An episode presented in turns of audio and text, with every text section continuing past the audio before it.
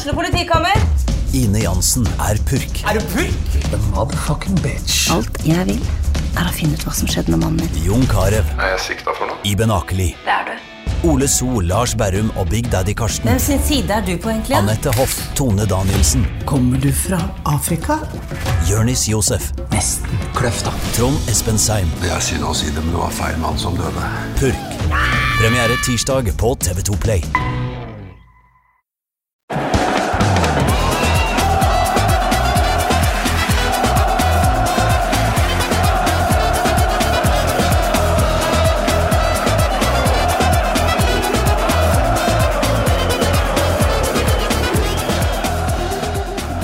Hjertelig velkommen til en ny episode av Pyro og Pivo. Mitt navn er Morten Galaasen, og med meg i dag har jeg en meget uh, trigger-happy Eivind Biskar Sunde. Velkommen tilbake. Takk. Det var veldig lenge siden sist. Jeg skulle til å si det. Eh, vi veit rett og slett ikke når du var her sist, men det betyr at det er år og dag. Og det betyr også at eh, min eh, skarpeste kritiker i hele verden, Trym Hogner, Ja. han kan drite i å kalle oss for dritte pyro, eh, for nå er det lenge siden det har vært tysk ball her. Ja, nå er det lenge siden. Og så trodde jeg faktisk aldri jeg kom til å bli invitert igjen. Etter at jeg hadde begynt å lefle med Premier League. Så jeg tenkte at nå var jeg liksom utestengt fra denne delen av fotballverden da. Nei, men jeg veit jo veldig godt, Eivind, at du hadde jo ikke begynt å jobbe med Premier League med vilje. Eh, hvis du ikke hadde blitt tvinget av disse onde sjefene som retter pistol mot deg og sender deg til London for å Det er veldig riktig. ja, ja. Du har fått, Da skjønner du åssen det er. ja. Ja. Mm. Nei, for Vi veit jo at du har en arbeidsgiver som bare kaster penger uh, på produktet for tida. Ja, ja. Jeg kan ikke, jeg kan ikke noe Jeg kunne ikke noe for det. Nei. Men Kidnappa. eh. Nei da, det har vært gøy, det. Jeg har, uh, jeg har jo nå i halvannen sesong kommentert både tysk og engelsk samtidig. ja. Så eh, er du, du holder jo kredden uansett i live med ukentlige Dritt av Halbseit-episoder. Ja, det er sant. Så, så det er kanskje det som er den formildende omstendigheten som gjør at du fortsatt er velkommen. Det, så jeg hørte jo med til sannheten at du, hadde, du var ganske langt ned på telefonlista denne uka her, da. Mm. Før du fikk napp. Nei da, dette var eh, fordi eh, vi, har jo, vi kommer jo rett fra fotball-TV nå. Mm. Eh, Du var med i ukas Dreierpack, og da tenkte jeg, siden det var jeg som booka deg dit, eh, at jeg smir mens jernet er varmt. Ja. Nå er Eivind i Oslo. To fluer Ja, i et smekk. vi tar den inn hit også. Og det sa du ja til. Det er bra, det. Jeg har egentlig mest, mest- gleda meg til å høre hva du eh, tenker om eh, Union Berlin sin sesong, for den har jo ikke gått så bra. Og det var jo det, Union Berlin er jo et lag som på en måte, så lenge jeg har kjent det, har jo på en måte gått sånn steg for steg for steg Mm. oppover. Hele tida liksom litt og litt bedre. Alt har liksom fungert. Og så snubla de Ja. i, i år. da. Har du, har du tenkt noe på hvorfor det har blitt som det har blitt? Eh, Jeg har jo tenkt mye på det. Mm. Eh, Jeg tror ikke jeg har kommet fram til, eh, til noe svar. Mm. Det er jo litt sånn at man snubler idet man begynner å hente spillere som egentlig er godt over nivået. da. Mm. Som Bonucci og Gåsens eh, Folland, Mm. som egentlig er navn som ikke hører til den kulturen som man har bygd, bygd seg opp på. Mm. Men jeg tror heller ikke det er så enkelt, fordi det er, det er ingen av dem som har vært katastrofesigneringer. Ok, Bonucci funka ikke, men jeg tror ikke han har forpurra verken treningshverdagen eller eh, stemninga i garderoben. Um, Folland vært litt, eh, litt skada ut og inn, men eh, levert ganske bra når han har fått spille noen kamper. Og Gåsens er jo nesten toppskåreren. Ja. Så, så jeg veit ikke helt om det ligger der heller. Eh, Men jeg og min venn doktor Eirik har vært ganske tydelige på, til det kjedsommelige egentlig, i de åra med opptur, at eh, dette er egentlig en sånn Det er en kunstig plassering, denne sjuendeplassen. Ja, ja. Denne femteplassen er en kunstig eh, plassering. Den fjerdeplassen her er tidenes overprestasjon. Mm. Og vi fortalte oss det så mange ganger at vi fortsatte å tro på det. Men jeg tror ikke folk rundt har, eh, har sett på det på samme måten. Eh, De, eh, folk utenfra de ser et Union Berlin som befester seg som et øvre halvdellag og eh, medaljejagende lag over flere sesonger. Eh, og da blir det jo et ekstremt sjokk for dem å se at det går så til helvete som det har gjort nå. Mm. For, for det neste spørsmålet mitt var jo har, du- Kjenner du på sånn skuffelse? At det går dårlig? Eller er det liksom sånn? Mm. For, det, for det tenker jeg jo eh, Vi er jo vant til at ting skal gå litt bedre og bedre. Man, man vil jo alltid liksom optimalisere livet, liksom. Mm. Men her får du jo en nedtur som du egentlig ikke har bedt om. Nei, og denne gangen Nå snakker jeg litt mot meg sjøl, merker jeg, men denne gangen så var den heller ikke venta. Fordi nå trodde til og med jeg at Union Berlin med de signeringene som de gjorde i sommer, at man skulle få inn Champions League-penger og egentlig var blitt vant til å konkurrere på, på øvre del av tabellen, at eh, nå rusta man seg egentlig for å fortsette med det. Eh, så jeg hadde jo på et av mine mange forskjellige tabelltips eh, Union på tredjeplass. Ja. ah, ja, ja. Det var jo selvfølgelig en ønsketenkning, men jeg tenkte at det er heller ikke umulig. For jeg trodde jo da at Dortmund for eksempel kom til å streve mer enn de burde, Mm. eh, som de ofte gjør. Um, men ja, eh, det, er jo en skuffelse selvfølgelig når det ikke er i nærheten av det. Og det å vite nå i januar-februar at eh, det, det blir ikke noe ny Europacup neste sesong. Nei. Eh, Men samtidig så er det sånn med akkurat Union Berlin, hadde det skjedd med Lillestrøm, da, mitt andre favorittlag, så hadde det vært mye vanskeligere å forholde seg til at det kan bli nedrykk. Det blir i hvert fall ikke Europa neste år. Men med Union Berlin så er det litt sånn eh, Jeg er så vant til at det ikke skal være relevant i det hele tatt. Eh, og jeg hadde en helt, eh, helt ekte samtale med doktor Eirik, som også er Union-fan, for de som ikke vet det, eh, da vi var i Berlin sist, at eh, man vil jo helst holde plassen, og tror jo også at det går bra nå. Man har jo begynt å knipe poeng og, og vinne kamper. Eh, men skulle det bli nedrykk, så hadde det egentlig vært eh, altså, helt greit der å ta i, men det hadde ikke vært den katastrofen som det kanskje burde være, og som det vil være for f.eks. Köln, Werder Bremen, som det har vært for Hertha, Schalke mm. osv. Mm. det, det er på en måte, det føles som en del av livet med Union Berlin, at man skal ikke være i Bundesliga for alltid. Nei, nei. Og, og det er gøy i, i Sveits også, liksom. Ja, det, er, det er interessant. Jeg tenker på en sånn parallell til eh, i eh, jeg, studerte by, bygeografi på et tidspunkt på Blindern. Ok. Eh, og det er jo sånn at Alle byer skal jo vokse. Mm. Så det er jo et kjempeproblem for en by som krymper. Det er jo et, det er et begrep. da. Mm. Eh, shrinking City, som Detroit, for eksempel, som var en sånn, Ja. på et eller annet tidspunkt i historien var bilbyen hvor alt skjedde, men så forsvant industrien, og så skal da, og da, da faller jo egentlig alt sammen. For Mm. der vet man ikke hva helt hvordan liksom, man skal operere. Og det er jo sånn som jeg tenker med eh, Som kunne vært skummelt med, med Union, da. Mm. Man har vokst og vokst og vokst, og vokst, og så skal man på en måte må man liksom, nå, Neste år så må du da tilbake igjen, da, for da er du ikke i Mm. Champions League. Så da må du kutte ned igjen, og så treffe på riktig størrelse og riktig mål og, Mm. og sånne ting. Og det tror jeg det er mye vanskeligere når du går ned fra toppen, enn når du er på vei opp. For Ja. da, da ekspanderer du, liksom. Da vokser Mm. du. Så um, kanskje neste sesong blir den, blir den mest vanskelige sesongen for, for Union. Da har du jo sannsynligvis spillere da som tenker at de burde spille Champions League. Ja, det kan godt være. Heldigvis ikke så mange av dem som føler at der hører jeg hjemme. Eh, Men så har du også det at eh, Union er jo i litt sånn Selv om de ligner på seg sjøl på banen for tida, mm. med tett forsvar og få skåringer og dritkjedelig fotball, eh, så er det en liten sånn, syns jeg, da, eh, identitetskrise akkurat nå. Fordi eh, man veit at eh, Bielitsa, treneren, han er der midlertidig. Mm. Neppe han som har laget etter sommeren. Um, man har eh, nylig kitta ut både Becker og Berens, eksempel, som var de to mest toneangivende offensive spillerne forrige sesong. Mm. Henta inn uh, Fertessen fra PSV og Bedia fra um, Servett, og ingen av dem har gått inn og tatt en klar plass i elveren, eh, som jo både Berens og Becker hadde. Så jeg tror veldig mange i og rundt Union lurer på hvem er i denne klubben, og hvem er denne klubben eh, etter eh, sommervinduet. Um, det at man er et bondesligalag, er jeg egentlig ganske sikker på eh, akkurat nå. Mye fordi eh, det er vesentlig dårligere lag bak, og den luka blir jo faktisk større for hver uke nå. Ja. Men uh, uansett, Eivind, du er jo um, programleder for eh, Norges eldste tradisjonspodkast om eh, tysk fotball. Ja. Tar Halbseit. Er dere eneste, eller? I hvert fall som tar det som helhet. Det er jo Ja, noen vi klubbpodkaster og sånn. Ja, det er jo en om uh, Glattbach, og så er det jo Jeg ser jo den på fotball-TV. kan du- Da jeg på, kan vi vel høre som podkast, kan man ikke det? eller? Jo, jeg tror det. Ja. Dette burde jeg vite. Det burde du vite, men, eh, nei, men eh, nei, nei, vi er jo de eneste og første. Så vi har jo eh, Vi har holdt på i fem år. Mm. Det har vært veldig gøy. Og vi har holdt på gjennom pandemien, og vi har eh, vi oppholder oss i tre forskjellige land. Eh, Det er mye greie, greier, men vi har altså Jeg tror vi har ha, hatt én ukentlig episode i fem år. Ja. Ingen, ingen uke uten episode, men vi har jo forhåndslaget som, på sommeren og sånn. Men jeg er veldig stolt av det. Det er nok Mm. noe av det kuleste um, som jeg har vært med på i mitt liv, og så er det noe av det gøyeste jeg gjør.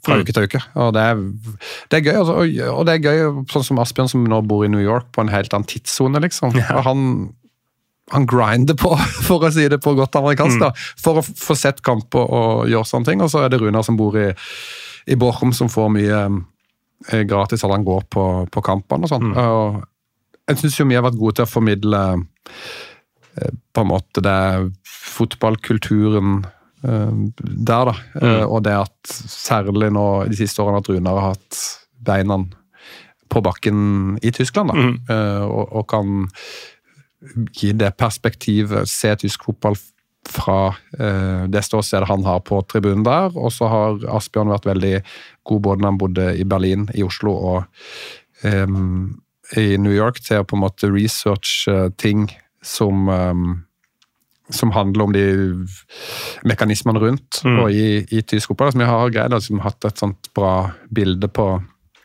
på hvordan det har vært. Og så har vel jeg kanskje vært den som har fulgt mest med på ja, taktikk og liksom fotballtingene, da.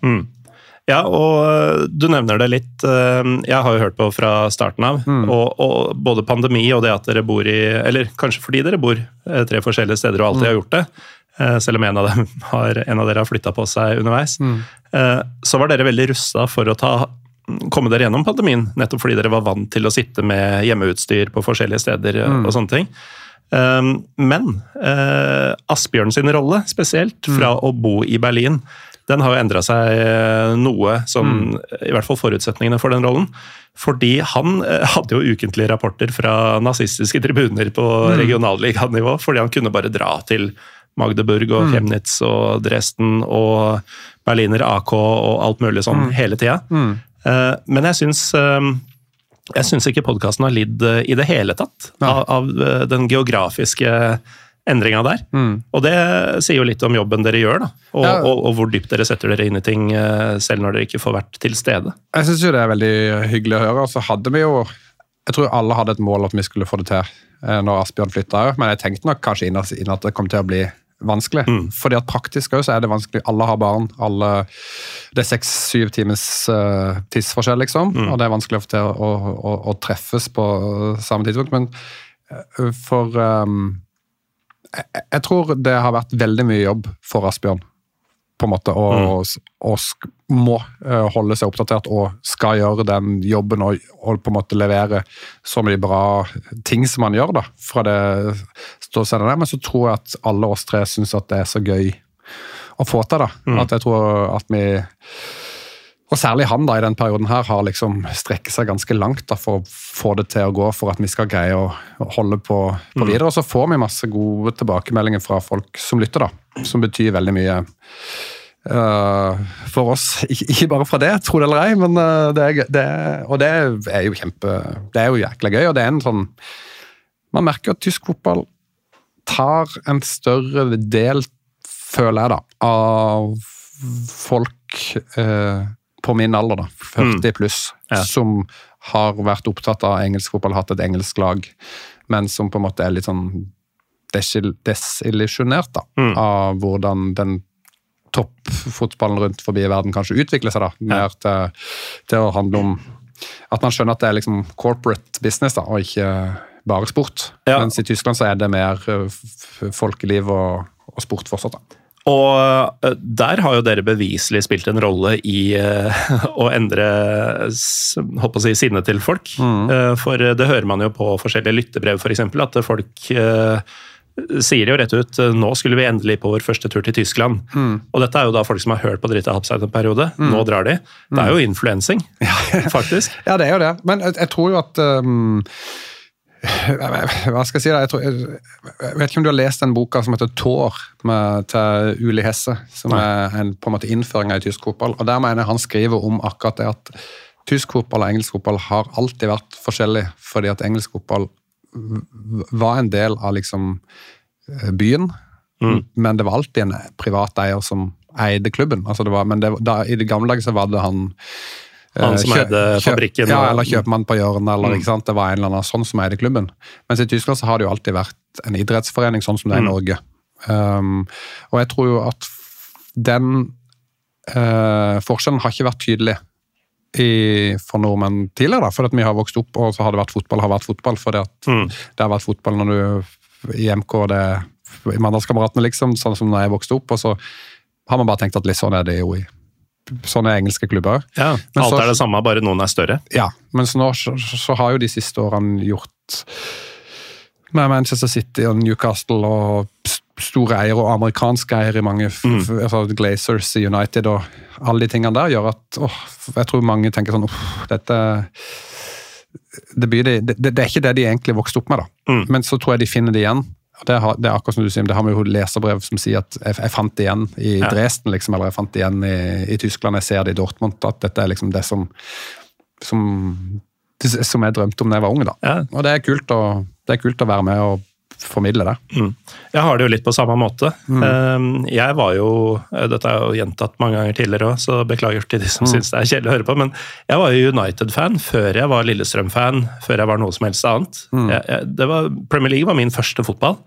Um, og skal ikke lenger tilbake enn til sånn 2017-18, hvor jeg var en fast del av fotballuka, som Mm. snakka om Premier League og Champions League hver eneste uke. Um, men jeg bare, jeg bare falt fullstendig av den karusellen med det, si, de aller største, de aller verste, da, eh, som Premier League og Champions League for min del representerer. Eh, og mer eller mindre tilfeldig så vokste interessen for tysk fotball fram samtidig. Og da jeg i voksen alder innså hvorfor tysk fotball eh, appellerte til meg, eh, bortsett fra at jeg syns lagene er kule, liksom, eh, så var det ingen vei tilbake. Da, nettopp det du sier, da. Med at eh, der har du ikke de, så mange i hvert fall, av disse store, stygge ulvene som har egne interesser involvert i det, som skal kommersialisere det, som skal fjerne det fra mannen i gata og gi det til fiffen eh, på operahuset i stedet. Eh, det er ikke et problem i Tyskland.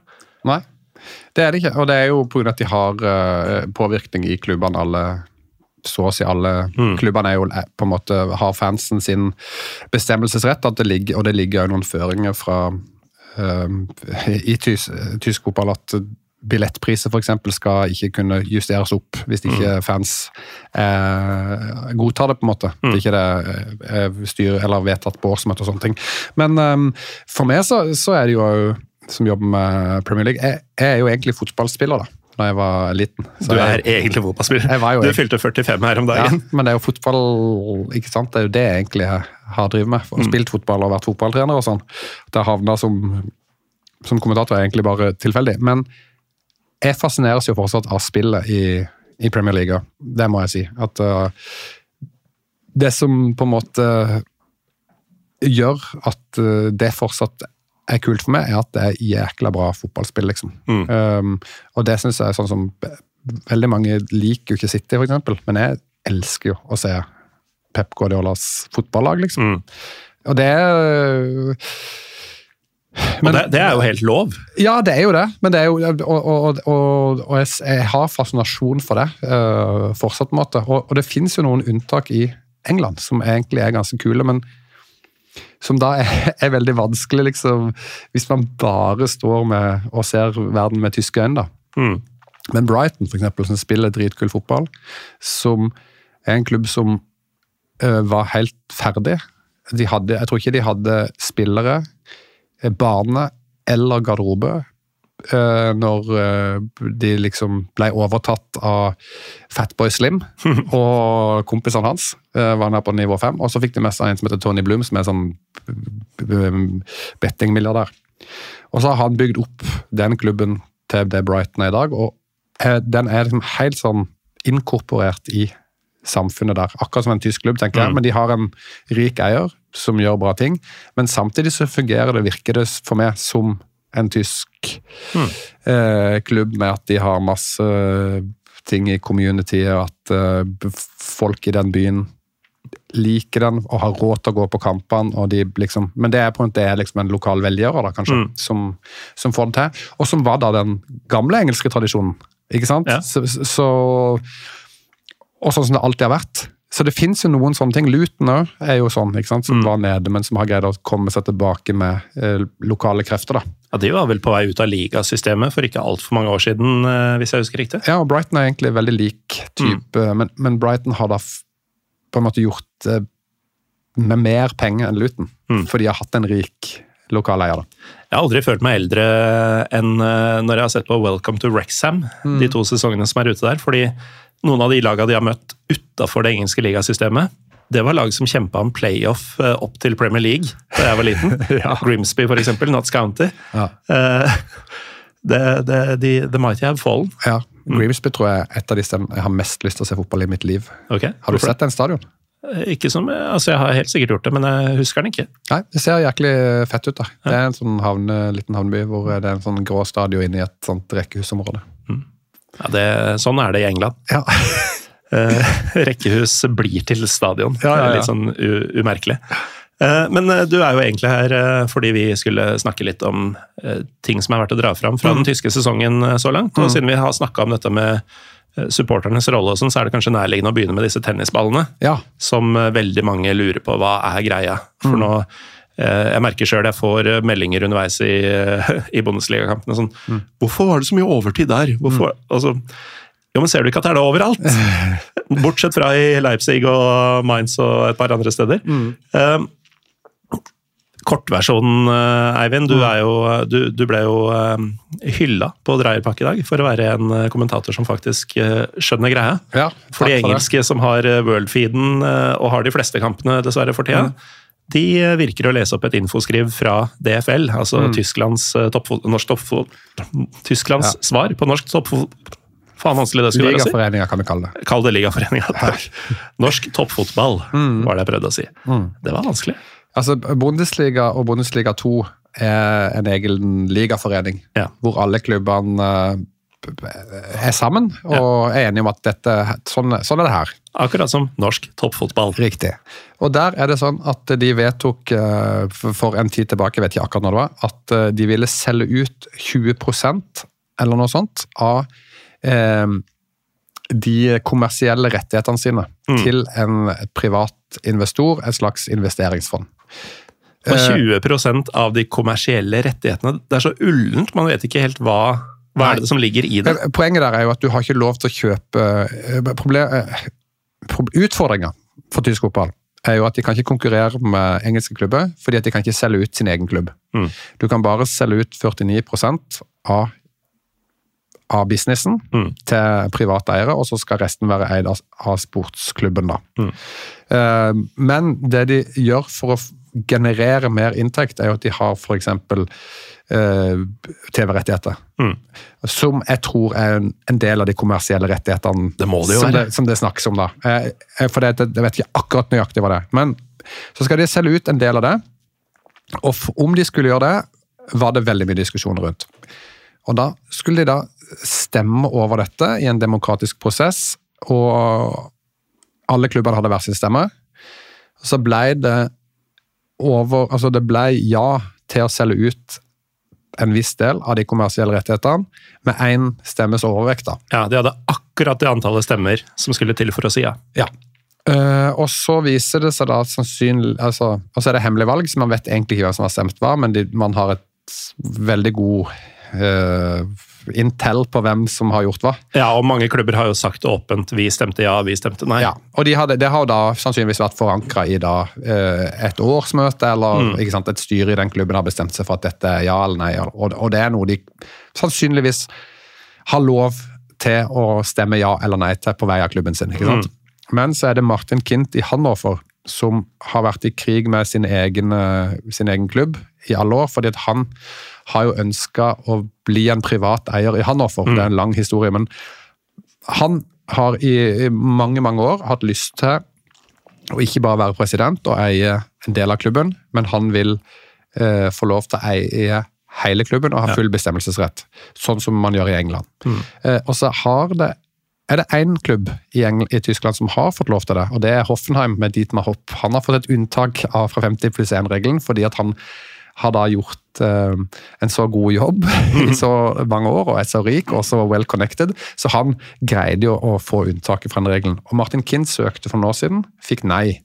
Så han fikk ikke lov. Og så har han vært i krig med sin egen klubb etter det. Og så viser det seg jo at når eh, denne, dette salget av de eh, rettighetene eh, skjer, så har sannsynligvis Martin Kint stemt ja til det, mens han nå får som klubb har ment nei. Eh, og dermed er den ene overvektsstemmen uh, eh, blitt uh, feil, og da har han jo lagt seg ut med alle. ikke sant? Og så, Ja. og, og, og så kommer jo protestene nå, for nå vil eh, fansen eh, på tribunen at eh, denne prosessen må starte på nytt, at det skal stemmes på nytt, og at eh, dette må på en måte eh, forankres demokratisk i en åpen og god prosess på nytt. da. Og dette gjør de med å Det er jo en genistrek på sett og vis, for de gjør jo eh, dette produktet som skal legges ut for salg, helt uspiselig for investorer. Det er jo ingen som vil ha fotballkamper som eh, bare plutselig stoppes på et vilkårlig tidspunkt av, eh, av en berm som, som du ikke kan hindre i å stoppe kampen. Eh, og du får jo da Resultatet er jo sånn 25 overtidsminutter i første omgang. Kamper som går til pause når andre kamper avsluttes avsluttes og lignende. Så eh, man kan jo si hva man vil om eh, aksjonsformen, og det er jo selvfølgelig irriterende for folk som har en tidsplan å forholde seg til et tog de skal rekke, hva det nå skal være. Men eh, målet helliger middelet, er det jo noe som sier. Og eh, man har jo allerede sett at én av kandidatene til å kjøpe opp disse prosentene har nå trekket seg på grunn av disse protestene. Ja, for det var vel to sånne store investeringsfond som har meldt sin interesse, da. Men nå har det en av de trekket seg. eh, med begrunnelse om at uh, det kan se ut som prosessen trekker litt ut i tid.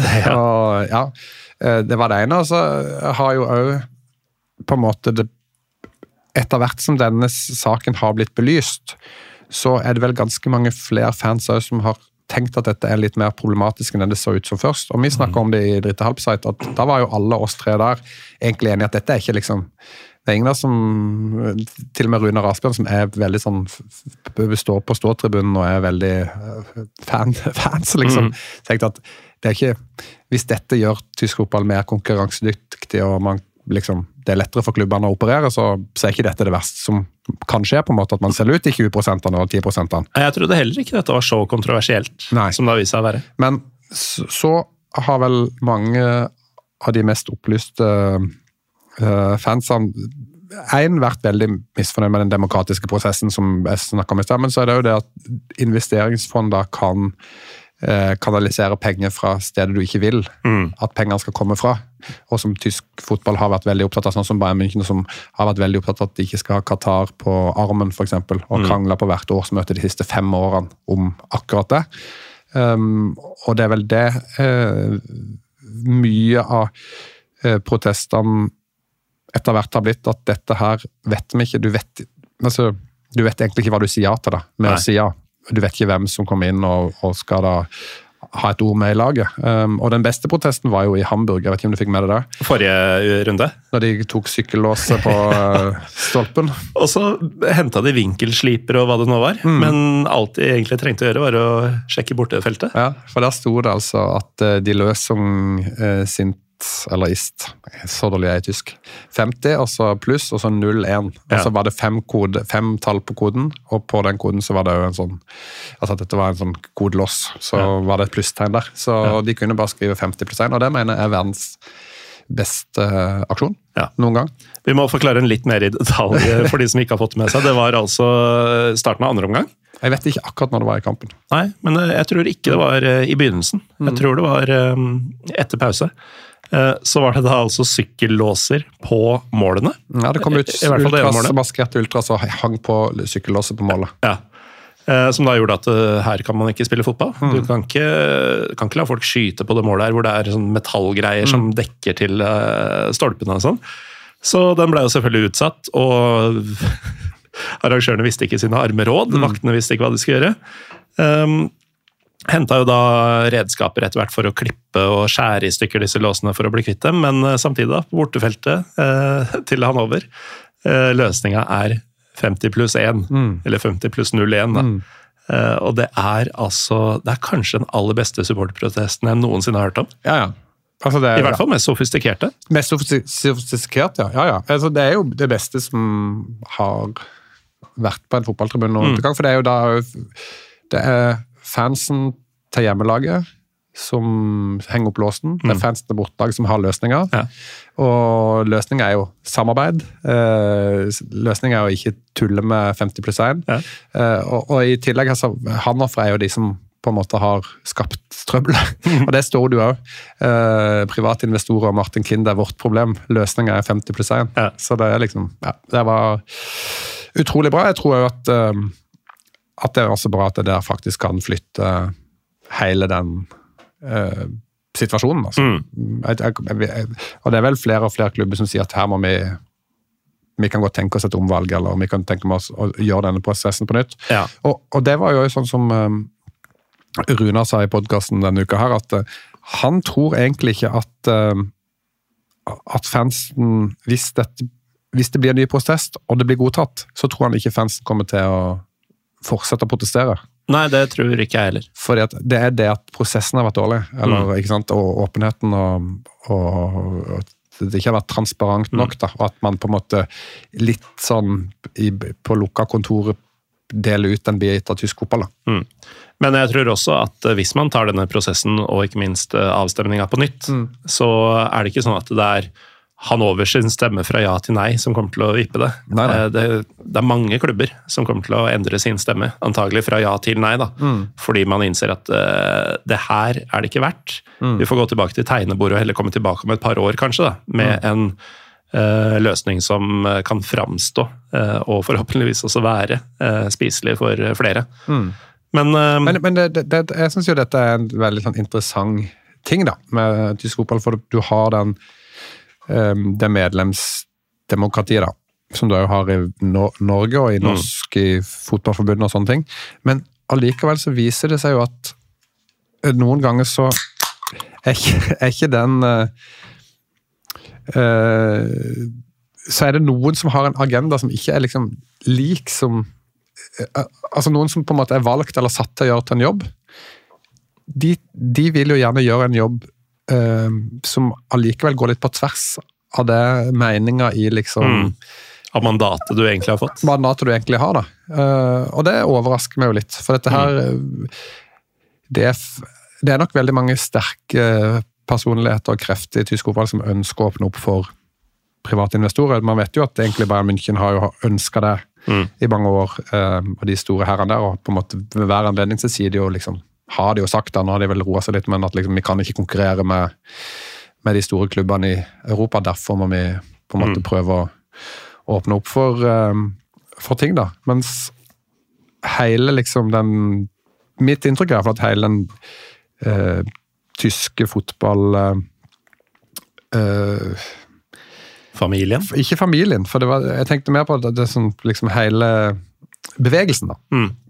Den er jo mest opptatt av at det skal være eh, demokratisk. At, eh, at man skal bli enige om ting og gå i, i samme retning. da. Så det er noen ting som drar i forskjellig, og det, det overrasker meg denne saken her. for det, man har plutselig man har liksom åpna opp for, for noe som da veldig mange har vært imot. da. Og Det syns jeg er rart. Det var jo for noen år siden hvor man stemte over om man skulle ta vekk 50 pluss 1-regelen. Ja. Da ble det stemt ned. Mm. Ikke Så gikk alle videre. Det, ikke, det har ikke vært noe masen der, men Nei. det er hele tiden noen sånne små angrep. da. Ja, Noen snikfjerning av 50 pluss 1. Man tar eh, litt og litt. Og, og, og det med eh, den saken her, da, at man har vært litt usikker på hva er det egentlig vi stemmer over her. Eh, det er jo litt sånn Al Pacino kommer til deg på, på herretoalettet og sier at jeg kan, jeg kan ordne dette for deg hvis du skriver under på dette her. Mm. Det er vel noe sånt som skjer i Djevelens advokat, tror jeg, og så angrer man bittert etterpå. da. Ja, ja. Um, det, det lukter jo litt av det. At uh, det er en slags Pandoras eske som man prøver å lure folk til å åpne. Og hadde de først gjort det, da, og fått disse hedgefunda, eller hva det er for noe, til å investere, og det viser at det er Saudi-penger og sånn, så er jo neste steg sånn herre Ja, men de pengene er allerede her. Er det så ille å åpne opp for at de kan investere direkte? Og så videre. Men, men, men jeg skjønner ikke liksom det er ikke, Jeg kan ikke huske sist jeg hørte om en tysk klubb som liksom sleit maks økonomisk utenom Herta og Schalke. Men uh, det er liksom sånn eh, Hverdagen De klubbene driver jo som regel veldig godt etter er mitt inntrykk. da, at liksom Økonomien er jo ikke anstrengt. Nei. Det er bare at du føler kanskje at du ikke kan konkurrere med de aller største. Men de tyske klubber konkurrerer jo ganske bra i Europa òg, så det er liksom sånn motivasjonen bak det jeg, jeg skjønner ikke helt hva, folk, hva er som er agendaen for å få det til, da. Alt det. Nei. Nei, jeg er helt enig, og som du sier, de konkurrerer ganske bra Mm. Internasjonalt. Det var vel ett lag av alle de tyske i de forskjellige europeiske turneringene som ikke gikk videre på et eller annet vis nå i høst. Union Berlin. Um, og Bayern er jo innimellom i finaler og vinner til og med finaler, og er alltid en sånn kvartfinale-semifinalekandidat. De lider jo ingen nød, Nei. men uh, som du sier å ha anstrengt økonomi, det er, det, det er noe veldig få tyske klubber på i hvert fall høyt nivå eh, sliter med. Men man mangler kanskje tak eller man har kanskje et tak som er mye høyere hos eh, klubbene i andre land, og det er jo egentlig i bunn og grunn bare Bayern sitt problem, ikke de andres. Ja, altså jeg tenker jo at det, det som kan være kanskje frustrerende, er at du ikke greier å beholde eh, lagene dine. da. Så jeg vil jo tro at det blir ganske sånn exodus i Bayer Leverkost nummer én eller to sesonger, fordi at de, de gjør det veldig bra, og så kan du ikke konkurrere på lønninger med Brighton og Palace og whatever. Stoke. Og Stoke, ja. Jeg, ja, sant? Og det, så det kan jeg jo skjønne at kan være frustrasjon, men det, øde, det har ikke ødelagt tysk fotball til nå, da, selv om veldig mange har spådd at tysk fotball kommer til å sakte, sakke veldig akterut. Ja. Men det, det er nok en det er nok en ganske stor eh, kvalitetsforskjell eh, på Premier League og Bundesliga nå enn det var for kanskje ti år siden. Det er det nok. Det er det nok, men, men ikke for Bundesliga og La Liga eller Bundesliga og Serie A. Sånn er det jo på en måte på samme nivå, vil jeg tro. Ja. Jeg tror du har helt rett i det. Um, siden du nevnte Herta Hertha og Schalke, så kan vi kanskje begynne å se litt på ting i Sveite, mm. Bundesliga. Uh, og og det er jo mye som er uh, forutsigbart, uh, og så er det mye som er litt overraskende, kanskje. Hamburg er på tredjeplass Ja. i rute til den playoff-plassen som de nesten alltid tar. Um, så der er det egentlig litt sånn business as usual, men byrivalen eh, eh, St. Pauli de har jo hatt sånn pakt med seg sjøl om å levere veldig bra i oddetallsår og elendig i partallsår. Dette kjenner jeg ikke til. Gjør du ikke? Nei. Nei, altså de har alltid en uh, halvsesong som er dritbra, og en halvsesong som er ræva. Ja. Og hvorvidt det er på høsten eller våren man er bra, det avhenger litt av uh, hvilket år det er. holdt jeg på å si. Uh, Det er derfor de ikke har rykka opp tidligere. Fordi de har um, enten fucka det opp på høsten, og så har de hatt en så bra vår at de nesten kom opp, i hvert fall til kvaliken, men Mm. nådde ikke opp fordi de var så dårlige på høsten. Eller de har leda til jul og ramla sammen på våren. Mm. Nå ser det ut som de er i ferd med å bryte avtalen. Ja, de har en sånn ung, kul trener òg. Ja, Selvfølgelig har de det. Selvfølgelig har de det. Sånn der som kommer fra ingen sted og plutselig bare trener laget til å være helt uslåelige. Eh, nei, det er gøy, det. Men eh, ja, de får, det, det er sikkert ganske hyggelig å være i San Pali nå, for at du kan jobbe litt i skyggen av det maset som er i, i Hamburg. Da. Uh, fordi at det er jo en det har blitt en av tidenes kaosklubb, og de greide jo da å sparke treneren sin nå, etter å tape 4-3 i denne kampen vi nevnte i stad med sykkellåser. Jeg tror det siste målet kom i 98. minutt. Ja, jeg hørte på Dritt Outside at det var litt delte meninger om, eh, om det kanskje kunne være enda seinere. Men, ja, men, men, jeg sjekka det, det var 98, tror jeg. ja, 98 er i hvert fall offisielt. Ja. Men det har blitt veldig forvirrende det med overtid. ja. på grunn av, for noen ganger stopper de klokka når det er protester, og noen ganger gjør de det ikke. Ja. Eh, Så da, da Union eh, hadde sitt seiersmål 25 minutter på overtid mot eh, Wolfsburg, mm. så var det jo mm, Tida som hadde gått, var mye mer enn 70 minutter fra avspark. Fordi man stoppa Altså, man sendte jo spillerne i garderoben. Så hvor lang tid som egentlig hadde gått, veit man ikke. Nei. Og hvor mye av dette var Jeg egentlig tror de vet det hvis de hadde satt på stoppeklokka og sjekka, men de, vi vet ikke. Ja, nei, at, eh, at 25 minutter eh, var det som var riktig å legge til, det, Ja. det er nok greit. Ja. Eh, Men tida som ble lagt til, er jo ikke den samme som tida som har gått. Nei, nei, nei, jeg hvis man har stoppa klokka. Ja. Så det er kanskje der det ligger også i Hamburg-Hanover. Kan, kan være det. Eh, nei, så der har jo Men uh, Hamburg er jo en veldig gøy klubb å følge. Og så er det jo sånn at de har jo en sånn veldig rik eier som heter Eller eier, han er jo ikke eier, da. han er jo inni, inni der. Han eh, Klaus Michael Kuhne, som er verdt et Google-søk. Han ser ut som den mest tyske milliardæren du kan se. finne noensinne. Har sånn stort, hvitt smil. Han vil jo at Felix Magath skal bli trener Mm. nå. Og det hadde jo vært så sykt bra. Jeg har, håper jo så mye at det skjer. Kunes ser veldig ut som en fyr som vil ansette Magat. Ja, han vil, han har jo sagt det. Han, ønsker, han vil at Magat skal inn. Um, så det hadde jo ikke vært kjedelig. Magat er jo en legende i Hamburg, mm. og er vel, veldig, veldig verdens hardeste fotballtrener, liksom. Og det går bare sånne syke historier om han. Og så overtok han jo Herta for noen år siden, og redda de fra nedrykk gjennom kvalik mot Hamburg. Så da holdt han Hamburg nede. Så hele historien er jo nå at han skal liksom få de opp igjen, da. Mm. og det kan skje, det, altså. Ja. Og man kan jo drømme om f.eks. Köln mot Hamburg i en kvalik. Det er en ganske stor kamp. Den er vel fort større enn Herta Hamburg, som var uh, for et par år siden? Ja, det vil jeg, vil jeg påstå. Ja. Ja. Oh, det, er, det er voldsom tanke. ja. Um, men med det tapet så har jo Hamburg invitert inn både Greuterfurt og um, Hanover, mm. som de tapte mot. Uh, og også Paderborn er nå innen uh, skuddlengde. Så du kan få en ganske antiklimaktisk variant også, fordi Holstein Kiel på plassen over. Mm. Du, kan få, altså, du kan få Kiel eller Furt mot Mainz i kvaliken. Det er ganske døvt i forhold. ja. ja, men den kvaliken er gøy uansett.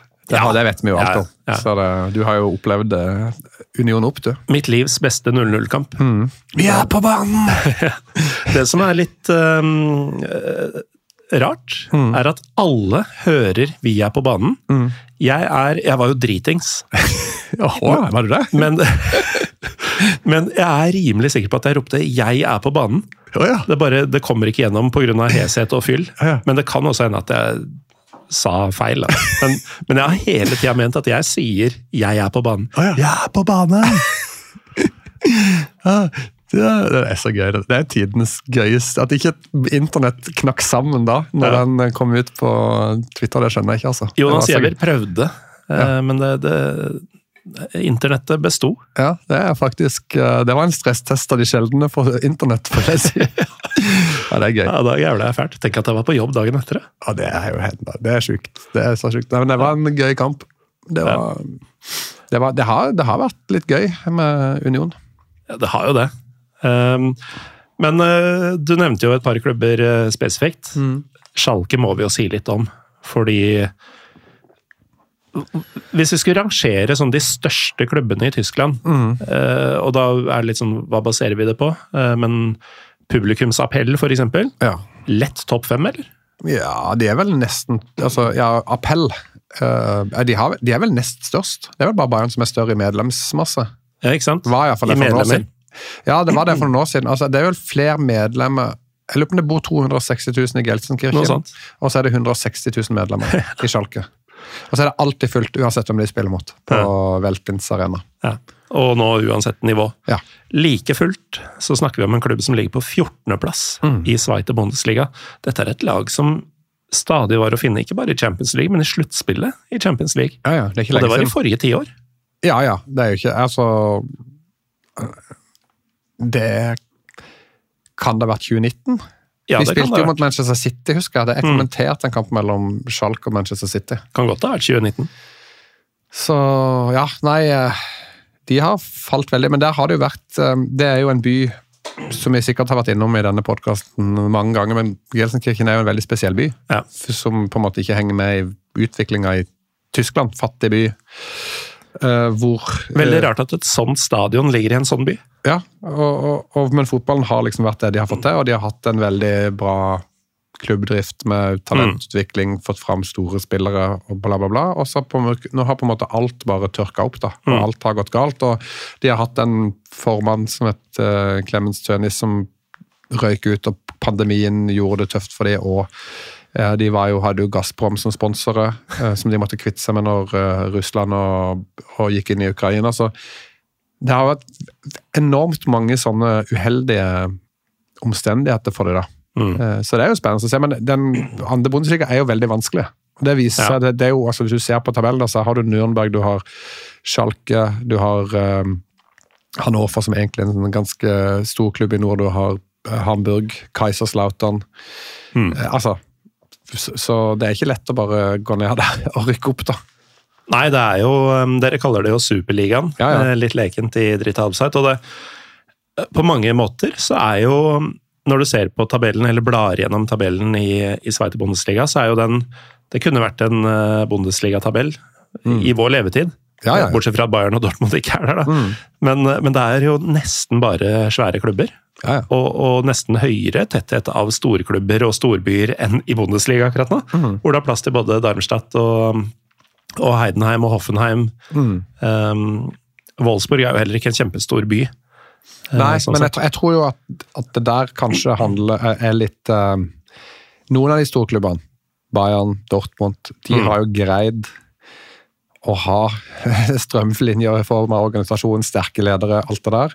En god kultur for fotball, Mm. og så har de fått det til å funke. Uh, og så er det noen som ikke har fått det til.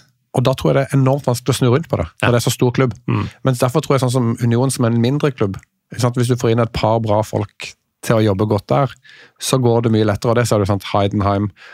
Hoffenheim er jo en veldig liten klubb som er på en, Du kan jo på en måte ikke sammenligne med nye, noe, liksom. Det er jo en bedrift, men den funker jo veldig bra. Darmstadt òg. Mindre klubb. Uh, Mainz egentlig en liten klubb. Så det er mange av de små klubbene som jeg tror at um, kaos er ikke så nærme, da. Altså, altså du, det er litt sånn Du får jobba litt mer i fred, sannsynligvis. Avgjørelser tas kanskje med litt lengre tidshorisont og sånn i de små klubbene. Som gjør at de kan konkurrere sportslig, da. Mens for Schalke, Nürnberg, Hamburg så er det bare kaos. eh, altså, ka og Herta. Ka, altså, Kaos er på dørstokken Hele ved hvert tap, da. Ikke sant? Og, og, og, og jeg tipper at det er slitsomt for um, Ikke bare for de som er valgt til å jobbe der, men for de som skal jobbe der. Altså det å forholde seg til det, så, så tipper jeg at det bare gjør at det er vanskelig å få til ting, da. Ja, ja men det, det tror jeg på. Um, er det median man kaller det? Når man fjerner på en måte ekstremitetene i begge ender, og så finner et slags annet uh, gjennomsnitt. Uh, tyngden på klubbene i Sveiter Bundesliga, har den høyere medianverdi, tror du, enn en, um, i, i Bundesliga? Hvis du fjerner Bayern og Dortmund til ene enden, og Darmstadt og Heidenheim da, i andre, eh, og tar klubbene som er igjen, og så gjør du det samme i Sveite. La oss si du tar bort eh, Hamburg og Schalke i ene enden, og eh, Elversberg og VN Wiesbaden i andre. Ja. Da er det Det er ikke åpenbart at Bundesliga er eh, større og bedre når det gjelder klubbene. Nei, det er nok ikke det. Men du har jo noen sånne småklubber sånn som Holstein Kiel som ligger oppi der nå. og ja, jeg vet ikke, jeg husker Men Dresden er vel òg igjen? Eller de Nei, de er i tredje? dritt, de er men de kan rykke opp. De kan rykke opp, vet du. Ja. Nei. Det, men, det, det, det er altså, men det er jo Tyskland har jo færre lag i toppdivisjonen enn England. Og færre lag i andre, andre liga, som gjør at det blir en høyere tetthet av ville klubber. da. Mm. Så nei, det er rått. Det er helt rått. Eh, Men til Bundesliga, da. Mm. Eh, Du har jo tidligere og Dette snakka vi litt om i Dreierpak, men du har jo for et par år siden proklamert eh, at i år vinner Leverkosen. Og det gjorde de jo ikke, for å si det pent. det. Nå slo de Bayern München 3-0 og tok en fempoengs ledelse. Vi er ganske godt ute i februar. Det er bare tre måneders tid igjen av sesongen.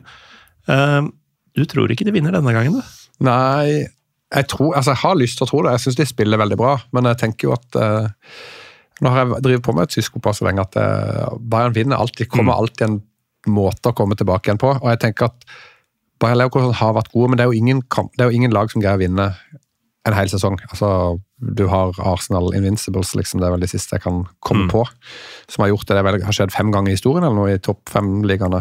Til og med Nant i 94-95-sesongen tapte jo til slutt. Ja, så, ja. Men jeg tror, jeg tror jeg mente jeg leste det, det fem ganger, så de kommer til å tape poeng på et tidspunkt, eh, Bayer Leverkusen også. Og da er spørsmålet om Bayern kommer til å tape noe mer innover her. Og de har ganske lett kampprogram, og så tenker jeg at nå, de er liksom nå har noen vært borte og pirka med stokken i den der bjørnen som ligger nede i München der. Ja, nå er de sinte. Nå tror jeg de begynner å bli irriterte. Så jeg kan se for meg at de, at de vinner alle kampene igjen, selv om det egentlig ikke går så bra. Og så vipper de inn på slutten, og så er det nerve inne i bildet. Og så skal Bayer Leverkusen skal jo da spille i Europa og i cupen i tillegg. Så Og på papiret så, så er jo Bayern München-laget mye bedre denne sesongen enn forrige sesong da de vant. For nå har de jo fått Harry Kane. De hadde ikke spiss forrige sesong da de vant. Og de har hentet Minja Kim, som er den beste stopperen i Serie A forrige sesong. Som er, han er dritgod, liksom. Ikke minst var han beste stopperen i um, Turkcell Super League for et par sesonger siden. Og så er jo Manuel Neuer tilbake nå, mellom stengene. Ikke sant? Og så, ja. Ja. Et, Så har du Guerrero som en uh, squad player. Altså, det sier jo litt. Ja, de henta jo han òg. Og og Konrad Laimer henta de. Eh, fra, som egentlig var riv gjerne på midten til, til Leipzig. Så, så laget er jo der, egentlig. Og Harry Kane har jo skåret 24 mål på 21 kamper.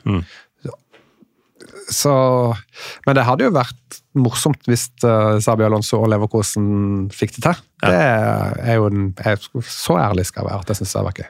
Men uh, vi prata om det tidligere i dag. Du har um, I alle åra du har kommentert Bundesliga, mm. så har Bayern alltid blitt seriemester. Ja, ja. Nå er det jo sånn at uh, vi er såpass langt ut i sesongen. Leverkosen ser så imponerende ut. De drepte Bayern for et par dager siden. Økte ledelsen. Og virker jo uh, De hadde til og med henta inn spillere i forkant fordi de visste at det kom et Afrikamesterskap mm. hvor de kom til å mangle f.eks. Ja, den ene og andre. Virker som de har tenkt på alt. Um, Alonso treffer på alle taktiske vurderinger. Han endra jo masse på laget før Bayern. Uh, og det viste seg å være en grunn til. De vant jo 3-0 for de som ikke fikk det med seg. Ja. Likevel, altså, la oss si at de ikke vinner, da. Åssen skal vi noensinne i vårt liv oppleve at noen andre enn Bayern München vinner Bundesliga, hvis ikke nå? Nei, altså hvis de kjøper enda flere fra Tottenham, da, som de har gjort nå, med Eric Dyer og, Hall, eller, nei, og Kane, så par til, kanskje det går. Men, men det, altså uh, Bayern München har i de årene jeg har kommentert de, vært veldig gode til å gjøre endringer når de må. Mm. De har bytta trenere på rett, tidspunkt. Um, de har hele tiden hatt et lag som har fungert veldig bra, ikke henta inn for mye spillere, ikke solgt. Mens i sommer, altså, fra de sparka Nagelsmann, så har egentlig veldig mange ting gått dårlig for Bayern München. da. Så de setter liksom i Etterpåklokskapen, da, så var jo å bytte Nagelsmann når de gjorde de leda serien, de var videre i alle turneringer. Så bytta de med Tuchel av en eller annen grunn. Og så har det gått nedover, holdt på å miste seriemesterskapet, men de vant jo ikke cupen, ikke, ikke Champions League, og vant uh, seriemesterskapet i det 87. minutt eller noe sånt, i siste kamp. Og så i sommer så fikk de ikke til overgangsvinduet, på en måte, selv om de fikk inn Kane og Minja Kim og Gureiro og Limer. Så var jo det de sa at de ville ha, var jo en sentral midtbanespiller som skulle være sterk og robust. Og som var en sånn lås foran eh, stopperen. Og Da prøvde de å kjøpe han Palinja mm. fra Fulham, men de fikk det bare ikke til. Og det er, sånn, det er veldig ubajansk, da. De, de Og mislykkes. De mislykkes. De, de fikk det ikke til. Og så solgte de Pavar, og så sendte de han Stanisic, som da skårte mot de nå, til Leverkosen på lån. Så endte de opp med en ubalansert stall. Så liksom, det som har skjedd egentlig det siste året, da Det, det, det er vel nesten et år siden Torhild tok over, tenker jeg. Så, så har veldig mange ting gått i feil Det har ikke vært så bra, da. Nei, Det er en kombinasjon av feilvurderinger feilvurderinger og at eh, flaksen går mot dem. Ja, altså, ja, Og det er to ting som man ikke forbinder med Bayern München. Nei, men samtidig så har jo resultatene vært bra, for de har jo tatt veldig mye poeng. Med, altså, det var jo første gang i historien at to lag som hadde til sammen over 100 poeng etter 20 serierunder møttes i eh, Bundesliga. Så det er jo det at Bayer Leverkosen har gjort det sjukt bra. Mm. Og det er nok ikke noe fluk at de har gjort det sykt bra, men det å skal stå hele distansen ut er vanskelig. Men jeg tenker jo at de tingene som har skjedd i München, i Bayern München det siste året, det kan jo si at ok, kanskje de har mista litt grepet. Mm. Ikke sant? At Hvis du tenker at i framtida, når de ikke treffer på alle avgjørelsene sine, eh, sånn som eh, sånn som de har gjort nå, Mm.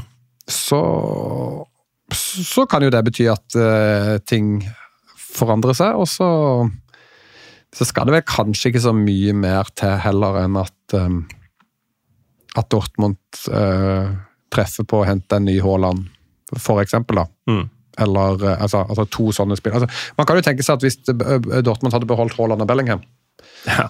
eh, i to sesonger til, så hadde de jo vunnet ligaen. Garantert. Ja, men der er du jo tilbake til det vi diskuterte i stad med investorer og sånn. Mm. Dortmund og altså Bellingham og Haaland de skulle aldri bli lenger enn de ble i Dortmund. Nei, nei. Det, det har aldri vært noens intensjon, ikke engang Borussia Dortmunds. Nei, men det uh, Det hadde ikke vært mulig. Men det blir litt sånn hvis du skal hva, hva kan, Hvordan kan Bayern miste grepet? Mm. da kan det jo være at Dortmund for eksempel, gjør litt endringer i hvordan de tenker. At Istedenfor at de skal være der i to år, så skal de være der i tre år, f.eks. Ja. Mm. Hvis du henter et stort talent. da. Og jeg tenker at det er noe du kan kanskje kan greie å i, liksom få spillere med på. da. Mm. Men eh, det er jo ganske sykt oppi det her at eh, den største stjerna i Premier League og den største stjerna i La Liga nå er de spillerne som spilte i Dortmund for to sesonger siden. Ja. Og Det er verdt å merke seg for de som ikke følger med på tysk fotball nå, at eh, det er her du ser det neste store. ja, ja, og så er det litt sånn at eh, Vi har snakket om det i Drita Absett, at um, Dortmund har gjort en ganske dårlig jobb sånn PR-messig. eh, med tanke på at de egentlig har gjort det dårlig denne sesongen her, ikke gjort det så bra. Så har de altså mista altså, ja, Jeg vet ikke eh, de, altså de har, det, det er så spillere som er på så høyt nivå, da, at hvis du hadde mista én av dem, så hadde du jo alle skjønt at du ikke gjorde det like bra året etterpå. Men her har du altså mista to på veldig kort tid, pluss Ja. Gureiro, som var en viktig brikke. Ja, men Det er to av eh, verdens fem beste spillere eh, akkurat nå. Ja, ja. Kanskje to av verdens tre beste spillere akkurat nå. Ja, det er det. Som i løpet av de siste par åra har forlatt Dortmund. Dortmund. Det er sjukt å tenke på. det, er, det er helt vilt. Ja. Men eh, apropos altså, Nå har vi snakka litt om eh, Bayer og Bayern. Eh, og, og det er jo litt sånn Det sier litt om utgangspunktet klubbene har, da. Eh, som sagt, eller som du sa, eh, første gang to klubber har møttes på dette tidspunktet i sesongen og har hatt så mange poeng totalt. Alle eh, hyller Bayer Leverkosen for det de har gjort denne sesongen. Eh, folk latterliggjør Bayern München for at de ikke har fungert denne sesongen. Og sånn. Og så kommer du til det tidspunktet der hvor det er to poeng som skiller dem før den kampen. Det ene laget er helt sånn genierklært på alle måter, de andre er idioter.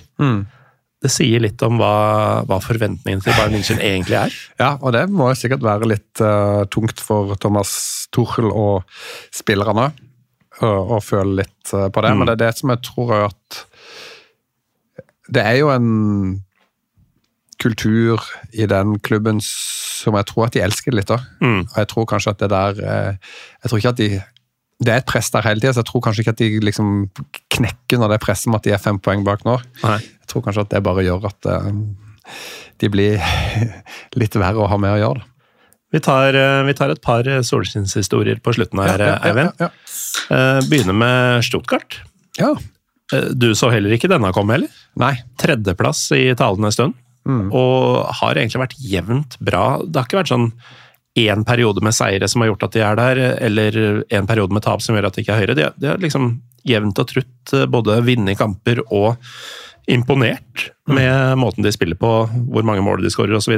Ja, jeg syns de har vært uh, veldig gode. Så har de fått veldig mye ut av spillere som man har sett tidligere, som har et, et uh, bra potensial, da. Men som kanskje ikke har vært liksom Aldri har fått det helt ut. Han Valdemar Anton, midtstopperen som er kaptein, Ja. synes jeg er sånn Han har alltid ah, Han er jo bra, men nå er han liksom en bauta. Nå er han liksom Bundesligas beste forsvarsspiller. Ja, fordi mange som eh, så på Bundesliga for fem år siden, men falt av, hvis hvis de folka fins. Hvis de tar en titt på dagens eh, Stuttgart-lag, så ser de masse folk som bare sånn Ja, han husker jeg fra den klubben, han husker jeg fra den klubben. Hva ble det egentlig av dem?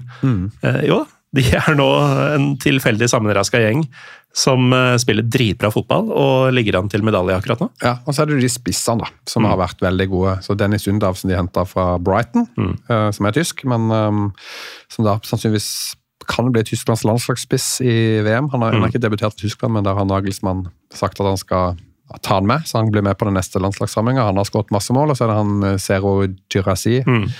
Spissen, som eh, Han er jo faktisk litt oppe i årene, han er vel sånn 27 eller noe. Ja, litt sånn late bloomer. Han har vært i Bundesliga i mange år og vært sånn ok, eh, ganske bra. Terningkast fire pluss, kanskje, på sitt beste. Fikk jo mye av æren for at de holdt seg på vårparten i fjor, men hadde da vært han har vel vært i Köln også, tror jeg. Eller Kjøllen, Ja. som det heter i Budapivo. Pivo. um, og har aldri tatt overskriftene. Veldig mange ser han skåre masse mål og tenker sånn Å, ny vin. 22-23 år gammel. Nei, er 27-28. Ja, det er det. Og så er det sånn at eh, jeg husker Runar sa det foran den sesongen. Jeg mente jo at Køllen kom til å, nei, Køllen sier at Stortinget kom til å slite fort nede i bunnen av tabellen. For de mista jo da eh, Borna Sosa, som var deres venstre, beste venstrebekk. Mavropano, som var deres beste stopper. Og Endo, som var deres kaptein og sentrale midtbanespiller. Alle de forsvant jo ganske rett før sesongstart. Og det fra et lag som nesten rykka ned. Ja. Så der tenkte jeg her går det dårlig, og så sa Runar eh, når vi snakka om tabelltips nei, nei. Så lenge de har eh, Sedo Ski, så kommer de aldri til å rykke ned, og de kommer til å gjøre det ganske bra. Og så har de jo da nevøen til Ole Hønes, the big man i Bayern München, som trener.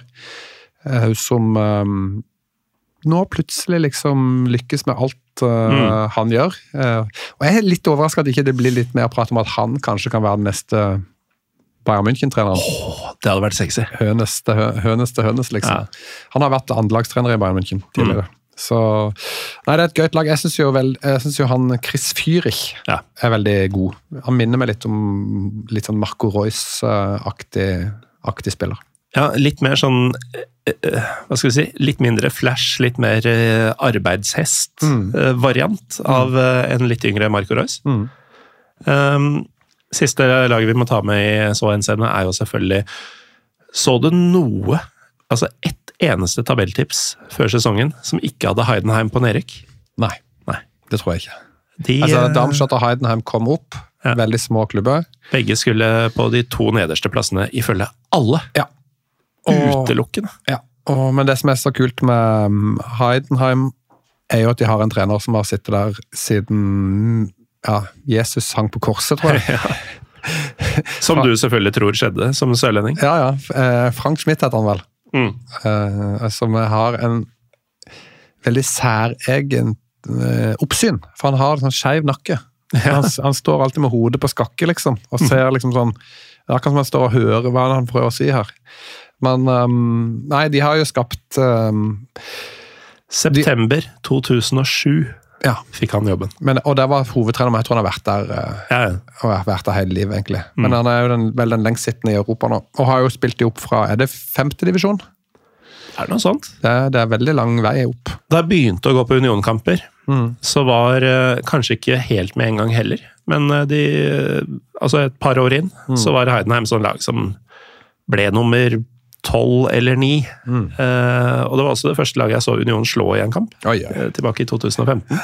Og det var sånn jeg dro på den kampen, uh, Sveiterliga i februar, uh, en søndag klokka ett eller halv to, og dro dit og bare sånn I dag, altså dette laget her, må de jo slå.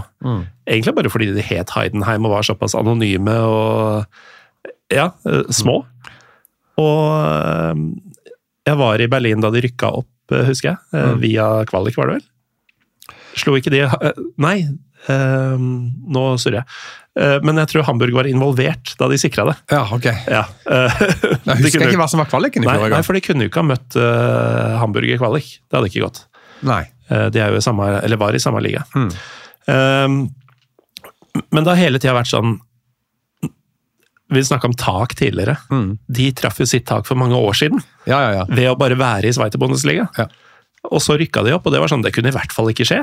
Men de, de sto helt inn. Mm. Uh, og så kommer de da opp som det, det må jo være minste laget i Bundesliga-historien, nesten. Mulig jeg er historieløs her, men det er ikke Det. Det er vanskelig. Det altså, Det- det, det- er jo disse lagene borte i Berlin som Ja, måtte plutselig spille ja, sånn, sånn. sånne Ja. lag, men eh, det er jo, et, det er jo en liten uh, klubb, og det er litt sånn sammenraska gjeng. Det er litt det der uh, Ja. Man får feelingen på Som du snakka om uh, Union i starten, Mm. at det var sånn typisk Union-spiller. Det tenker jeg litt med Heidenheim, men jeg har sett det òg med han der Niklas Beste med med dritgod, dritgod dødballfot, men Ja. er liten, har rødt skjegg og Du skjønner ikke helt at han er en fotballspiller, liksom. Nei, og så hadde han der, helt til han setter den i krysset. ja, og så hadde han Dingshi fra Werder Bremen, Mm. som var sånn Ja, han har sånn han har en tynn bart og ser litt for tynn og hengsel ut, men er liksom dritgod Mm. fotballspiller. Og han spissen som Kleindienst. Kleindienst som Ja, det går seint, men så er det plutselig farlig allikevel, liksom. Ja. Og så funker alt. Og så har de vært gode i veldig Mange av de kampene jeg har sett, så syns jeg de har spilt bra, liksom, solid Mm. fotball. Ja, det er helt uh, absurd. For det er, det er ikke én spiller der som hadde gått inn på sånn umiddelbart da, eh, inn på et av laga, i hvert fall ikke over dem på tabellen nå, for nå er de jo på åttendeplass eller noe sånt. De lukter jo på, på Conference League, mm. kanskje bedre. Eh, Det er jo helt sjukt. Tenk deg, Eivind, hvis vi sitter her til høsten og lager en Conference- eller europaligaepisode med et gruppespill, og så skal Heidenheim være en av Tysklands representanter, samtidig som Hamburg, Schalke, Kaiserslautern, Hertha eh, osv. Nürnberg, Hanover sliter på andre eller tredje nivå. Mm. Men, men jeg, jeg, jeg tenker jo at uh, uh, fotballverden må liksom no, Noen må sette seg ned og skrive en bok da, Mm. på et eller annet tidspunkt om små klubber. Og hvorfor det er lettere å få til suksess der. da. Så, Nils Henrik Smith Nils, ja, kanskje Nils Henrik må gjøre det. Men det er mange sånne klubber rundt forbi nå. da. Bodø-Glimt er en liten klubb Det er i det. Norge. De er pygmeer. ikke sant? Eh, og så ser du Vålerenga, en stor klubb, kaos. Rosenborg, storklubb, kaos. Så du ser det jo her i Norge. Mm. Uh, og, og så er det noen klubber som er så store å få det til uansett, men uh, i de, i liksom, på de største nivåene. Men det er plass til sånn altså Freiburg er jo en liten klubb Mm. som har drevet på veldig bra lenge i, i der de holder på. Altså, i, og de har spilt i Europa de siste årene. Ja, flere ganger. Ja, og i England, som jeg ser, så er det jo flere små klubber nå som på en måte funker. Brighton. Ja, Brighton, Bournemouth, uh, Wolves er jo ikke den største, men det, det går da greit. Burnley, Mm. som får det til. Ja. Men nå skal ikke vi sitte her og ramse opp Premier League-klubber, Eivind. Nei. Um, vi kan jo egentlig begynne å tenke på avslutning, men eh, jeg skal utfordre deg på et par tips. For det har du bomma ganske bra på tidligere. Ja, ja, ja. Uh, nummer én, eh, som jeg tror jeg veit svaret på, uh, men jeg spør for det. Mm. Uh, hvem vinner Bundesliga 23-24? Nei, jeg, jeg, jeg tror fortsatt Bayern, altså. Men jeg, nå- nå har det nesten gått overtatt. jeg er redd for å jinxe det, liksom. Så at jeg egentlig tror Bayer Leverkosen. Men du tør ikke å si det? jeg tør ikke å si det høyt. Nei. Men eh, eh, Nei, jeg, har kikka på terminlista. Jeg syns Bayer Leverkosen har en tøffere avslutning på sesongen Ja, det, det har de. enn Bayern München. Um, Og det er bare fem poeng. Og på alle, alle lag i alle tider får en eller annen dupp, og du får noe skade på noe og, og etter hvert så er det kult å slå deg, liksom. Og de skal vel møte Heidenheim borte nå, ja. som du snakka om. Liksom, så, så det der eh, Det blir vanskelig. Den kampen på lørdag blir mye mer interessant enn Hadde du sett på terminlista før seriestart bare sånn, ja, I den runden i februar så er det Heidenheim Leverkusen. Den skal jeg i hvert fall ikke se. Den er plutselig sånn, den burde vært hovedkampen. Og så er det, så er det jo Bochum Bayern München på søndag kveld. Kompisoppgjøret. Ja, men det som eh, Jeg jeg spurte Her om dagen så spurte Tor Ole Skullerud, han har jo vært trener i Molde og rundt forbi. Ja. Og, og da hadde vi kommentert Arsenal, og så skulle City spille dagen etterpå. Så spurte jeg hva er, hva er best her? Er det best å spille først eller sist? Når du er i tittelrace, liksom. Mm. Mye bedre å spille først, Ja. syns han, da. Og det kan jeg egentlig tenke, for da, da bare skal du spille kampen, og så er det press. Mens er du bak, Mm. så må du enten vinne for å komme à jour, eller du må vinne for å gå ifra. Mm. Så du har et mer, mye mer press. Så det blir interessant å se når eh, de forskjellige kampene er satt opp. Det har ikke jeg sett på, men, men der tipper jeg jo at det er en fordel å være foran i, i kampløpet. Ja. Og nå, på lørdag, nå til helga så er det jo Leverkosen på lørdag og Bayern på søndag. Riktig. Eh, Så får vi se hvordan det blir eh, utover sesongen. Um, hvem er det som tar eh, de andre to plassene i Champions League-racet? Klarer Stuttgart å holde seg i topp fire til slutten, tror du? Altså, nå begynner jeg å tro det. Mm. Men eh, Dortmund tror jeg kommer til å få fart på det nå. Nå er Ryerson tilbake, og de har liksom, han, Jan Madsen har, synes jeg, har gjort det bra for dem. Overraskende bra for min del. Ja, jeg var jo litt overraska. Men så øh, er jo Leipzig Jeg syns de har et veldig godt lag. De har det, men de har slitt med å få det til etter nyttår. Ja, men øh, det er jo litt det samme at På papiret så er ikke det Stuttgart-laget godt nok til å holde hele veien inn heller, på en måte. Nei, men de burde ikke holdt så lenge som de har gjort heller. Nei, ikke sant? Eh, Og for nei, hver nei, uke som går, så får de mer og mer tro på det de driver med. Ja, og jeg så den øh, Stuttgart mot Leib, nei, mot Leverkusen i cupen. Og da spilte de jo helt jevnt. Mm. Så Nei, jeg tror Dortmund og Stuttgart tar de to siste. Ja. Men de kan vel få fem, bare så det er sagt. Eh, Hvis eh, de vinner Champions League. Nei, for det, er jo sånn ny Champions Ja, ja. League-ordning neste år. Det er bare tull nå, ja. Så nå er det sånn at uh, det er noe koeffisienten, Ja, eller hva det er for noe, skal gi en ekstra plass. Så dette er egentlig en meningsløs eh, diskusjon. Akkurat nå, akkurat nå så har vel Tyskland en ekstra plass Et Champions League neste år. Men eh, for de som hører på, da, så er det um, Stuttgart på tredje 43, Dortmund på fjerde 40 og Leipzig på femte med 37. Mm. Så det er seks poeng fra tredje til femte. og vi later som da, at det er tre og fire som, som får det til.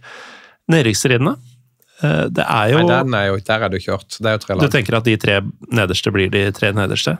Ja, Du kan jo ta bare lese det opp, men jeg jeg er ganske sikker på at eh, Heidenheim Nei, eh, Altså- Darmstadt, Mainz og Köln er de som kommer til å ligge og kjempe om den nedrykken, ja. Ja, og av de så har Mainz og Darmstadt ni poeng opp Mm. til trygg plass, mens Köln har fem.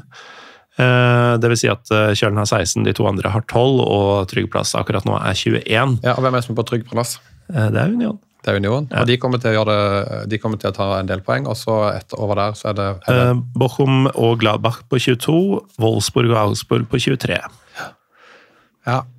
jeg, altså Augsburg har jeg aldri Jeg syns alltid de har et dårlig lag, men de holder seg jo alltid.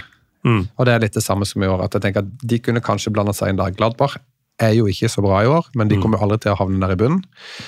Uh, Bochum De har jo gjort det litt bedre enn det forventa, egentlig. Mm. De kan jo få en dypp, dyp tid, men jeg tror, jeg tror liksom at det er greit. Så da tror jeg det blir mellom de tre i bunn. Ja, og da er jo spørsmålet egentlig kan Mainz ta igjen Køllen? Ja. Eh, Fire poeng. Jeg tror det. Ok, Så du tenker direkte nedrykk for Køllen? Køllen har jo et, et kjempeproblem. Uh, ja, er, De har mange. Ja, men de har jo da sant, transfer embargo både dette vinduet her og neste vindu. Ja. De bytta trener um, til han Timo Schulz. Og Mainz bytter jo trener, har bytta trener denne uka her. Mm. Bo Bo Henriksson. Henriksen, danske. Uh, Darmstadt er fortapt, tenker jeg. Ja, Så der er det bare å glemme det. Men, um, men at uh, Mainz, med det laget de har, kan ta, komme seg forbi Köln, jobbe uten press, Mm. uh, får en ny uh, guts nå, og, og mann for mann, selv om Mainz ikke er så veldig god, så tenker jeg nesten at de er bedre enn Köln i dag, da. Og så er det Ja. sånn at ja. Hver gang jeg ser lagoppstillinga til Kjølen foran Mm. en kamp, så tenker jeg sånn Hvem i all verden skal skape noe som helst? Og ikke minst hvis man skaper noe, hvem skal sette sjansene? ja. Eh, Jeg skjønner aldri helt hvem av de fire fremste som egentlig er spissen heller. Nei, de har en Florian Kainz som er god, men ellers er det vel det. Er vel det. Ja, egentlig. Tenker jeg offensivt for Köln. Mm. Så um, det er ikke sånn Det er ikke den beste tida å være Köln-fan, tenker jeg. Nei. Men eh, siste. Ja. Eh, jeg har jo jeg har gitt opp nå, men jeg trodde jo lenge at Hertha hadde en treig start, og at de ville komme som et slags eh, tankskip Mm. utover sesongen og ta i det minste en tredjeplass. Eh, det skjer ikke. Nei. Hvem er det som eh, kommer seg opp? Åh, nei, der Hamburg blir nummer tre, eller? Jeg, jeg, jeg har sett altfor lite av andre Bundesliga til jeg liksom kunne uttale meg om Mm. Men da er det som- magefølelsen som gjelder. Er det bare magefølelsen som gjelder?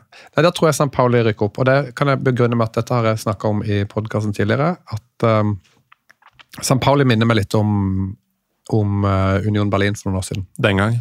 At de på en måte ble litt og litt bedre sesong for sesong. Nå har de Mm. fått liksom en trener som alle tror på, virker det som. Mm. Og så er laget liksom gradvis blitt bitte litt bedre, og så har de, har de nå litt, litt rutine fra, Ja. fra å være i toppkampen. Kiel er jo ikke et så godt lag på papiret, Nei. så de kan fort sak, sakke akterut. Og så er det veldig mange andre lag som driver og slår hverandre. Mm. Så Derfor tror jeg St. Pauli går opp, og så tror jeg Hamburg går opp direkte. Hvis uh, jeg Steffen vil... Baumgart blir ansatt som trener. Ja, ja. Og hvor sannsynlig er det, tenker du? Det, det er i hvert fall ikke usannsynlig. Nei, altså, Det vet jeg ingenting om hvor sannsynlig det er, for at jeg vet ikke om han har lyst, eller om det er noe kontakt, eller om de kan betale. Eller, men hvis han blir ansatt, så rykker de opp. En arbeidsledig trener som er litt sånn typete Mm. i Tyskland, han tar jo jobben i Hamburg hvis han blir tilbudt den. Ja, det er jo en jobb som for han eh, Han har jo hatt Köln, men Mm. eh, jeg tenker jo liksom taket som det er snakk om. For eh, Hamburg er jo skyhøyt, da. Mhm. Ja. Det er jo Champions League og det som er, her, liksom Ja, rykker de opp, så tenker man umiddelbart at uh, de blir Heidenheim, da. Ja, ja. Nei, ikke, altså, ja. Men de, altså, med Ja, en gang altså, Salzburg er opp, så er det, kan jo det være topp fem igjen. Ja, nettopp. Ganske fort. Ja.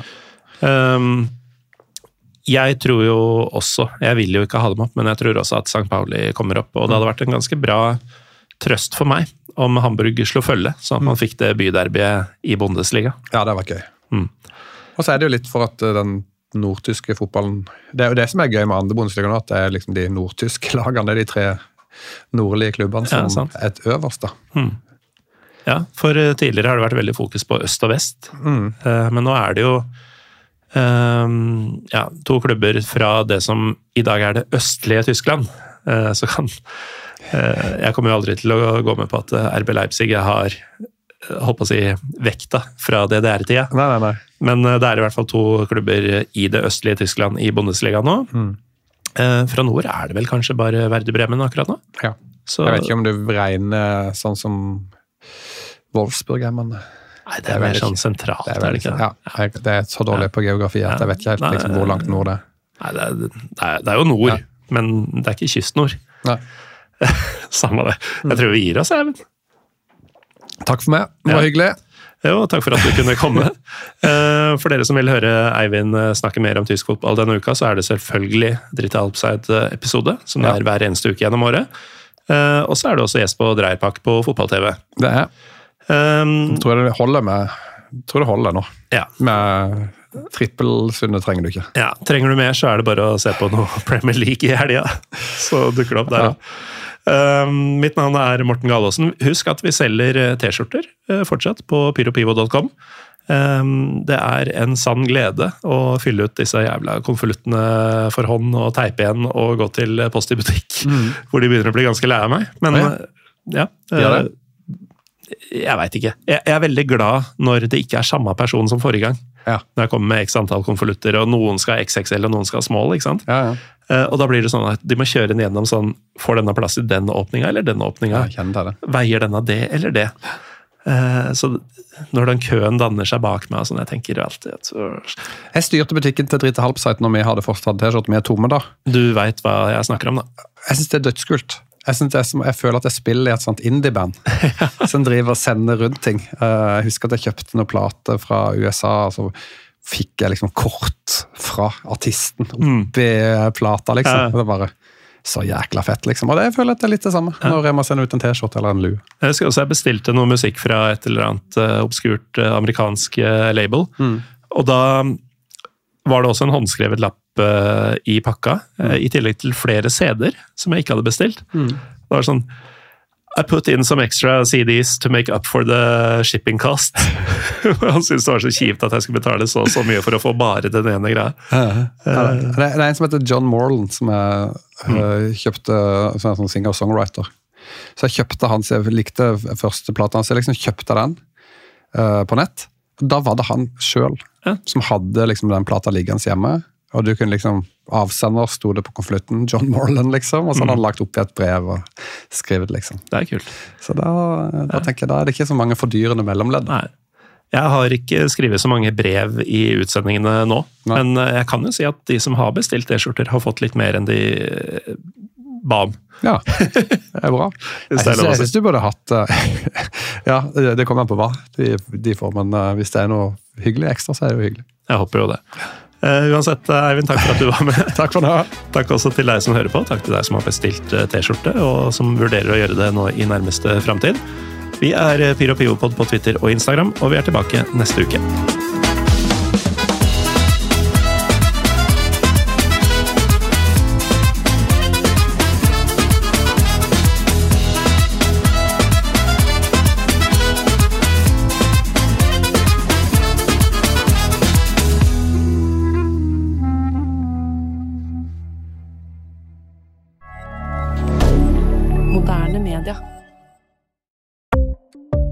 Ukens annonsør er HelloFresh. HelloFresh er verdens ledende matkasseleverandør og kan være redningen i en travel hverdag. Mange av oss har nok vandret i butikken både sultne og uten en plan for middagen, som ender med at vi går for de samme kjedelige rettene gang på gang. Middag burde være dagens høydepunkt. Som HelloFresh kan du nå velge mellom 25 ulike retter hver eneste uke, eller få HelloFresh til å sette sammen menyen for deg.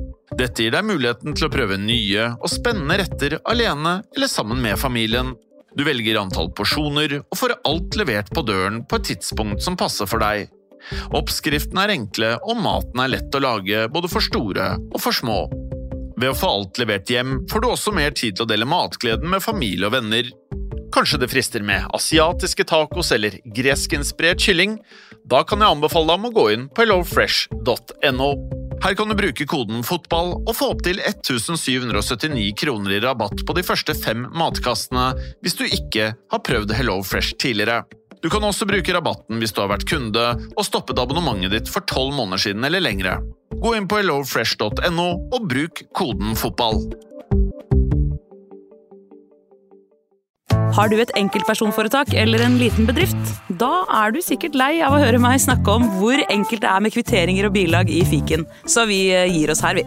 Fordi vi liker enkelt. Fiken superenkelt regnskap.